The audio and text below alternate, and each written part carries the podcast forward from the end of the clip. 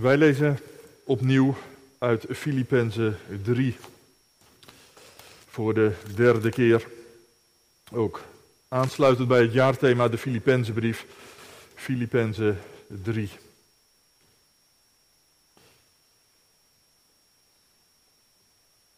Te beginnen bij vers 1.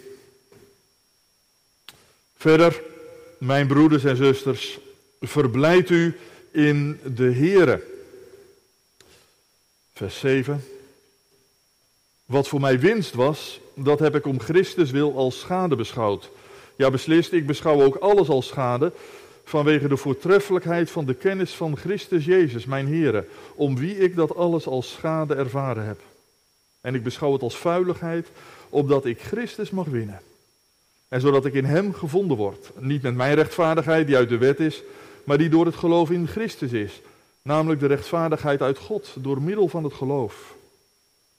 Opdat ik Hem mag kennen. En de kracht van zijn opstanding. En de gemeenschap met zijn lijden. Doordat ik aan zijn dood gelijkvormig word. Om hoe dan ook te komen tot de opstanding van de doden. Niet dat ik het al verkregen heb. Of al volmaakt ben. Maar ik jaag ernaar om het ook te grijpen. Daartoe ben ik ook door Christus Jezus gegrepen. Broeders en zusters, ik zelf denk niet dat ik het gegrepen heb, maar één ding doe ik. Vergetend wat achter is en me uitstrekkend naar wat voor is, jaag ik naar het doel. De prijs van de roeping van God die van boven is. Die hij in Christus Jezus geeft. Zo luidt het woord van onze Heer. Amen. Gemeente van Jezus Christus. Het zijn eigenlijk best spannende woorden die Paulus schrijft in vers 12 en 13. Niet dat ik het al verkregen heb. Ik denk niet dat ik het al gegrepen heb. Want ja, Paulus, wat, bedoel je daar nou eigenlijk mee? Van, vanmorgen en, en, en vanmiddag vierden wij het avondmaal. En, en dat deden we toch heel blij vanuit oprecht verlangen. Maar nu we daar samen op terugblikken, nu zeg jij niet dat ik het al bezit. Daar, schrik ik een beetje van, Paulus, want wat bedoel je daar nou eigenlijk mee? Ben je voor jezelf soms niet zeker van de zaligheid van Jezus? En betwijfel je dus of je eigenlijk wel had, had, had mogen aangaan aan de tafel? Ja, wat wil Paulus hiermee zeggen? Ik, ik vind het wel goed om daar echt even bij stil te staan. Want deze woorden worden vaak geciteerd in, kerken rechts van ons. En men gebruikt deze citaten dan dikwijls zo dat ze inderdaad iets verwoorden van de twijfel over de geloofszekerheid. Nee, ik, ik, ik weet niet of ik wel een kind van God mag zijn. Ja, ik, ik zou die zekerheid graag krijgen, maar ik, ik heb dat nog niet gekregen. Och, mocht het nog eens gebeuren. Maar ik heb het nog niet gekregen. Er zijn er hier ongetwijfeld meerdere die die gedachte wel herkennen. Maar hebben dus te maken met een, een twijfelende apostel, die er wel rijk van spreekt, maar die er zelf geen deel aan heeft? Dat lijkt mij toch niet. Want dan trek je deze teksten wel danig uit hun verband. Laat ik daar vanmiddag maar heel duidelijk in zijn. Paulus is er voor zichzelf van overtuigd dat hij een kind van God mag zijn. Denk maar aan Romeinen 8. Ik ben verzekerd dat niets mij kan scheiden van de liefde van Christus. Of, of denk aan 1 Timotheus 1. De genade van de Heer was zeer overvloedig over mij. Of, of denk aan dat woord van, van, van Jezus zelf. Paulus, jij bent voor mij een, een uitverkoren instrument. Al die teksten getuigen van, van Paulus' geloof in, in zijn redding door Jezus. En, en diezelfde overtuiging lees je trouwens ook heel duidelijk in dit gedeelte als hij in vers 12 zegt dat hij door Jezus is gegrepen. Ik vind dat trouwens wel een hele mooie geloofsbeleidenis. Ik ben door Jezus gegrepen. Dat is nou echt de taal van een gelovige. Een gelovige zal altijd erkennen dat de geloofsrelatie met de Heer uiteindelijk niet jouw idee was. En niet begon op jouw initiatief. Nee, God had het eerste woord. En, en, hij heeft mij gegrepen. En als we vanmiddag een dienst van dankzegging hebben, dan mogen we wel beginnen met diezelfde dankbare beleidenis. Heren, dank u wel dat, dat, dat u mij weer hebt gegrepen. Ik, ik, ik kwam niet uit eigen beweging naar het avondmaal, maar, maar u wekte dat verlangen. Ik, ik, ik heb mezelf niet gerechtvaardigd door mijn daden, maar u gaf mij de rechtvaardigheid van Jezus. Ja, heren, de, de verzoening die ik hier kreeg en de gemeenschap die ik hier ervoer, het was allemaal uw werk alleen. U zij alle dank daarvoor. Ik ben door Jezus gegrepen. Nou ja, dat mag dus duidelijk zijn. Hè? Paulus, Paulus twijfelt niet aan zijn persoonlijke zaligheid. Want dat ligt vast in handen van Jezus. En daar kan niemand hem uitdrukken. En om het, om het maar zo te zeggen vandaag, hè, in, in dat geloof mocht hij dan ook zeker aan het avondmaal aangaan. Maar, maar dat alles vraagt wel een vervolg. En, en eigenlijk raakten we daar vanmorgen ook al aan.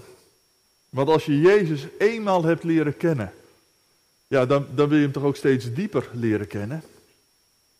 Sterker nog, als je echt naar Jezus verlangt, dan, dan wil je toch ook met Hem leven. Dan, dan ben je niet alleen maar blij met Hij voor ons, maar dan wil je toch ook dat het woord Hij in ons. Niet meer ik leef, maar Jezus leeft in mij. Want, want die lieve heiland, die, die zijn hart aan, aan mij gaf, die, die wil ik ook de liefde van mijn hart geven. Ja toch? Vanmorgen zei ik, uh, een, hart dat liefde krijgt, wil zich ook graag in die liefde koesteren. En, en dat is waar, maar uh, het, het, gaat dus ook nog verder. Hè? Uh, een hart dat liefde krijgt, dat wil toch ook heel graag liefde geven. Als een antwoord, als een dank, om, om elkaar echt, echt vast te houden in die liefde. Maar ja, hoe doe je dat? Wat kan jij de heiland nou aan liefde bieden? Je, bent immers nooit volkomen aan de Heer toegewijd.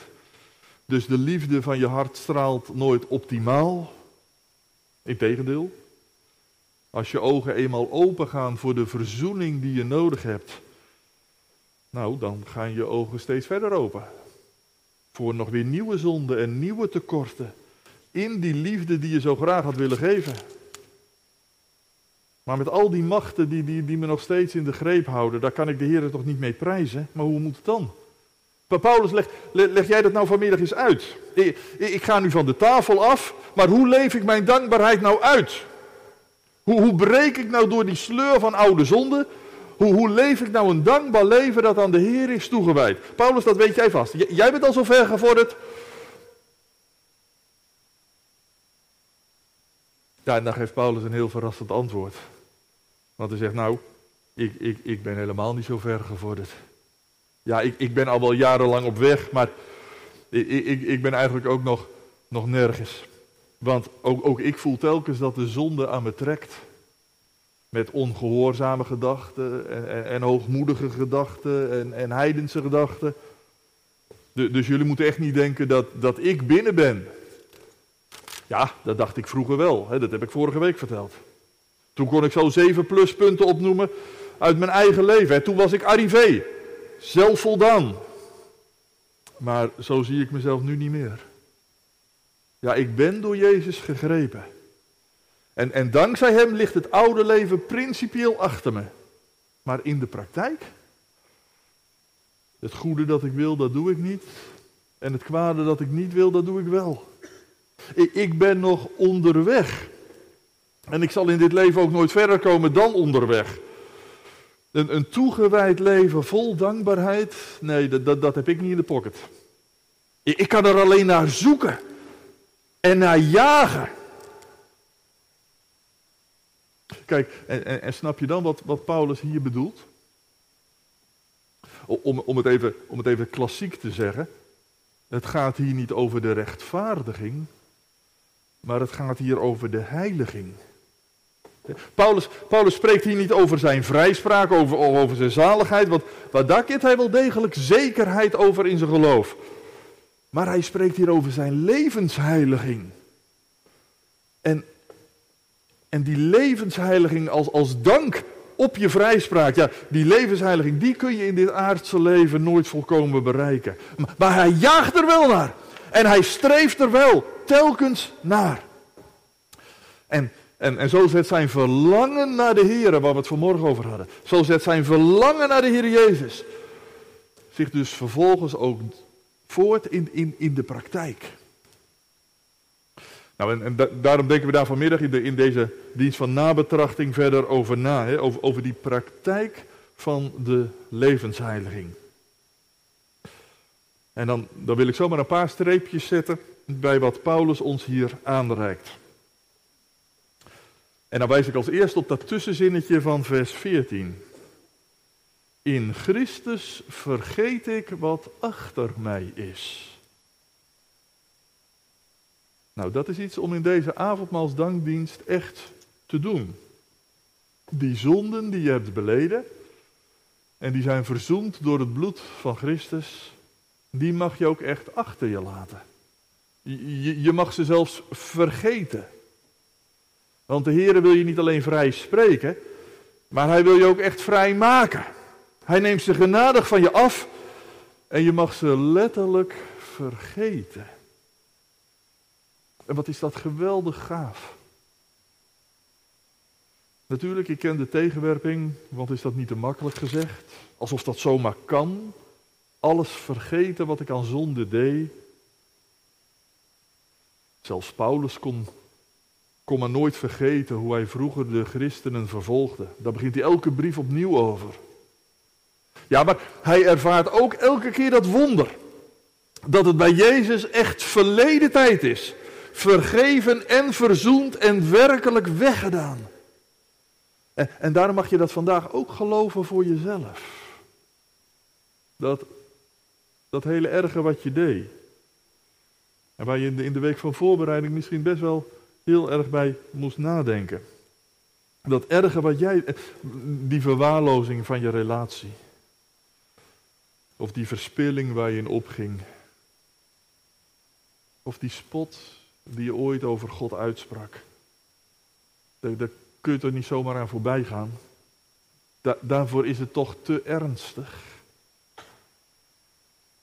Ja, maar daarom nam Jezus jouw zonde ook zo ernstig. En daarom is hij er ook niet aan voorbij gegaan. Maar pakt hij het op om het op Golgotha aan het kruis te dragen. En daarom mag jij er nou vanmiddag een kruis doorheen zetten. Nee, vergeten zal je het misschien nooit. Want daarvoor ben je mens met een litteken op je ziel. Maar je mag het loslaten. Want er zijn bij Jezus geen losse eindjes, geen kleine lettertjes waar nog op teruggekomen wordt. Nee, je bent werkelijk bevrijd van het verleden.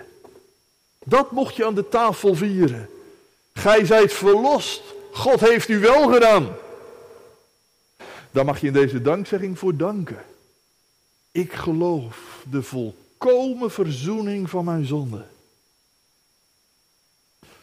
En, en, en, doordat je dat nou mag achterlaten, hoef je dus niks zwaars meer mee te zeulen. Dat je, dat je, dat je hindert en, en, en, en, en belast en, en belemmert. Je, hoeft niks meer mee te zeulen. Uit en, en, daardoor komen er als het ware krachten vrij. Ja, dat, dat, dat geeft je de kracht. Sterker nog, dat is nou de kracht van Jezus' opstanding. Dat is de kracht van Jezus zelf. Om voortaan echt met kracht vooruit te gaan. Ja, dat had ik vanmorgen nog laten liggen, maar, maar dat noemde vers 10 dus ook. Hè? Die opstandingskracht van Jezus. Want toen Jezus opstond uit de dood, toen was dat inderdaad met een geweldige kracht. Hij lag geknield in de banden van de dood, maar hij brak die banden finaal kapot. In het Grieks staat daar voor die kracht het woordje dynamiet. Nou ja, en je weet wel hoe dynamiet werkt. Keiharde rotsen waar jij en ik niet doorheen kunnen komen, die spatten dan helemaal uit elkaar. En als je verlangend naar Jezus ging, opdat ik Hem kenne, dan mocht je dit ontvangen. Die machtige bevrijding die Jezus uitdeelt. En die macht, die mag ook in jouw leven zichtbaar worden. Ik, hoop daarom dat je heel veel verwacht van wat je hier ontving. Want als je gebukt gaat onder oude zonden die je in je herinnering meezult, als je al snel weer gebukt gaat onder nieuwe zonden die je ontdekt en die je maar niet onder de knie kan krijgen, vertrouw dan op Jezus' macht en kracht waarmee Hij ze in je hart bestrijden wil. Hij wil ze wegdoen. En geloof dat Jezus ze zo met kracht wil wegnemen. Opdat ik Hem kenne en de kracht van Zijn op. Verwacht het vooral dus van, van Zijn kracht en vooral niet van je eigen kracht. Dat is altijd goed om dat er telkens weer bij te zeggen, want, want dankzegging wil dus niet zeggen van nou, hij heeft mij alles vergeven en dat, dat, dat is zo geweldig van zijn kant. Ja, nou moet ik daar als tegenprestatie ook wel iets geweldigs tegenover zetten. Nou moet ik een volmaakt leven op tafel leggen. Nee, want dat lukt toch niet. Dankzegging wil juist zeggen, ik, ik, heb, ik heb aan de tafel geleerd dat ik mag leven uit genade. En, en daarom leef ik het nieuwe leven ook uit de kracht van zijn genade. Jezus heeft mij hier met zijn heil versterkt. En daarom laat ik me ook door Hem versterken. Door Zijn wijsheid. Door Zijn toekomst. Die alles overtreft. Waarom laat ik me toch zo vaak inkapselen door, door, door, door al dat minderwaardige wat helemaal geen houdbaarheid heeft? Hij heeft het ware leven. En in die kracht ga je de levensheiliging beginnen. dat, dat trof mij wel heel mooi in vers 10. rond het avondmaal gedenken wij dat onze heiland is gestorven en is opgestaan.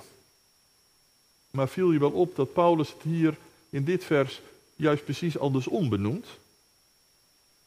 Bij Jezus gaat het inderdaad van sterven naar opstanding.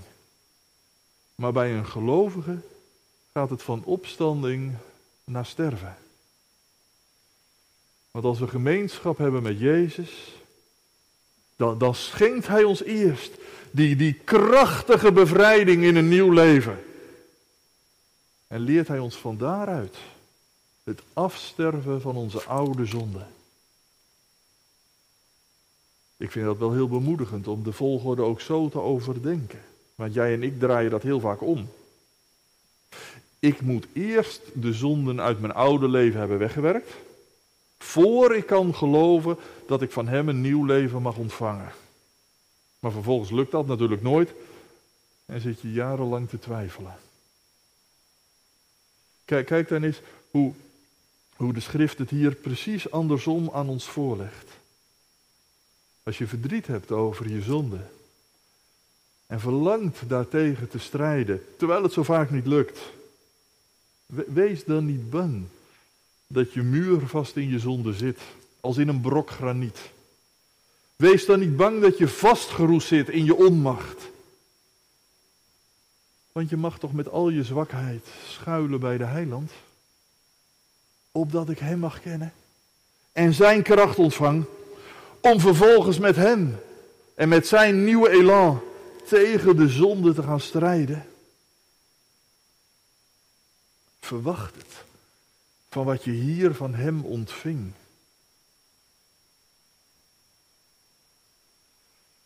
Ja, maar gaat die levensheiliging met Jezus dan altijd van een leien dakje? Nou nee, laten we daar vooral heel eerlijk in zijn. Daarom vind ik het ook goed om, om, om, om, om te onderstrepen die, die, die, die woorden die Paulus daar gebruikt als, als jagen en, en, en, en uitstrekken. In die woorden proef je de worsteling die hij hier heel eerlijk beschrijft. Ik, ik, ik grijp ernaar. Hoe dan ook te komen tot dat leven uit die opstanding. Levensheiliging lukt ons nooit gemakkelijk. Want het kost je altijd een, een pittige strijd tegen de zonde in je hart. Ja, je wil zo graag die heiligheid grijpen die God van je vraagt. En je kent de kracht van Jezus die je helpen wil. Maar je haalt het zo vaak niet. Want de ene keer kies je toch weer de weg van de minste weerstand. En een andere keer zie je toch het nut er niet van in om, om, om ook dat nog na te laten, want moet dat dan ook nog? En een derde keer wil je misschien wel, maar wordt het je zo moeilijk gemaakt door de mensen om je heen. Paulus heeft dat ook meegemaakt. Dat de mensen om hem heen hem, hem lieten lijden voor het geloof. De ene keer werd hij als een raddraaier in de gevangenis gegooid. Een andere keer werd zijn integriteit door de Joden in twijfel getrokken. En, en die aanvechtingen die waren soms zo zwaar, ze brachten zelfs Paulus wel eens op het randje. Dat hij er bijna aan onderdoor ging. Daarom zegt hij dat in vers 11. Dat het echt een worsteling was om, om hoe dan ook te komen tot die opstanding uit de doden. Nee, vraag me niet hoe. Het, het was werkelijk het, het strijdperk van dit leven. Het werd me soms zo moeilijk gemaakt. Het is een wonder hoor. Het is echt een wonder van Jezus genade dat, dat ik kon blijven volhouden. En dat ik erdoor mocht komen. Dus, dus nee, in het nieuwe leven met Christus ga je niet fluiten door het leven. Want als mens maak je er zelf een aanfluiting van. En soms snoeren anderen je de mond. Dat nieuwe leven, dat, dat, dat, dat, dat, dat, dat blijft soms op het nippertje. Maar het is er wel omdat Jezus je vasthoudt. En ik zoek. En ik jaag. En ik grijp naar groei. Ik, ik vind het wel goed om die eerlijke moeite ook te benoemen in deze dienst van nabetrachting. Want met deze worsteling schetst Paulus dus hoe een avondmaalsganger eruit ziet na het avondmaal. En die schets, die verrast je misschien wel. Want Paulus schetst ons hier geen minzame kerkganger, die met een tevreden glimlach achterover leunt, omdat nu alles goed is. Nee, nee dat zou je misschien wel verwachten. want als je verlangen nou zo vervuld is, en als het kennen van Jezus zo heerlijk is, dan, dan zou je toch kunnen verwachten dat hij dat hij na deze ontmoeting heel tevreden achterover leunt. Zo van, ja, nu ik Jezus eenmaal heb ontmoet, nu is, nu is alles goed.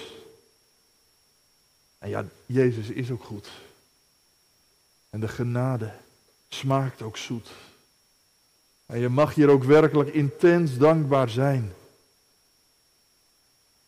En toch schetst Paulus hier niet het beeld van een stille genieter. Nee, integendeel. In vers 14 houdt u ons juist het beeld van een, van een sportman voor. Het beeld van een hardloper. Die onvermoeibaar jaagt naar het voorgestelde doel. Paulus gebruikt dat beeld van, van een, een renbaan trouwens wel veel vaker in zijn brieven. Je vindt het ook in 1 Korinthe 9, in Galaten 2. Het is typisch een beeld uit de Griekse wereld, waarin de stadions veel werd hard gelopen. Maar wat is dat eigenlijk een, een treffend beeld? Want het beeld van een dankbare genieter straalt al snel gearriveerdheid uit. Maar dat hebben we dus juist niet. Dat heeft Paulus afgeleerd, die gearriveerdheid. Nee, we zijn onderweg.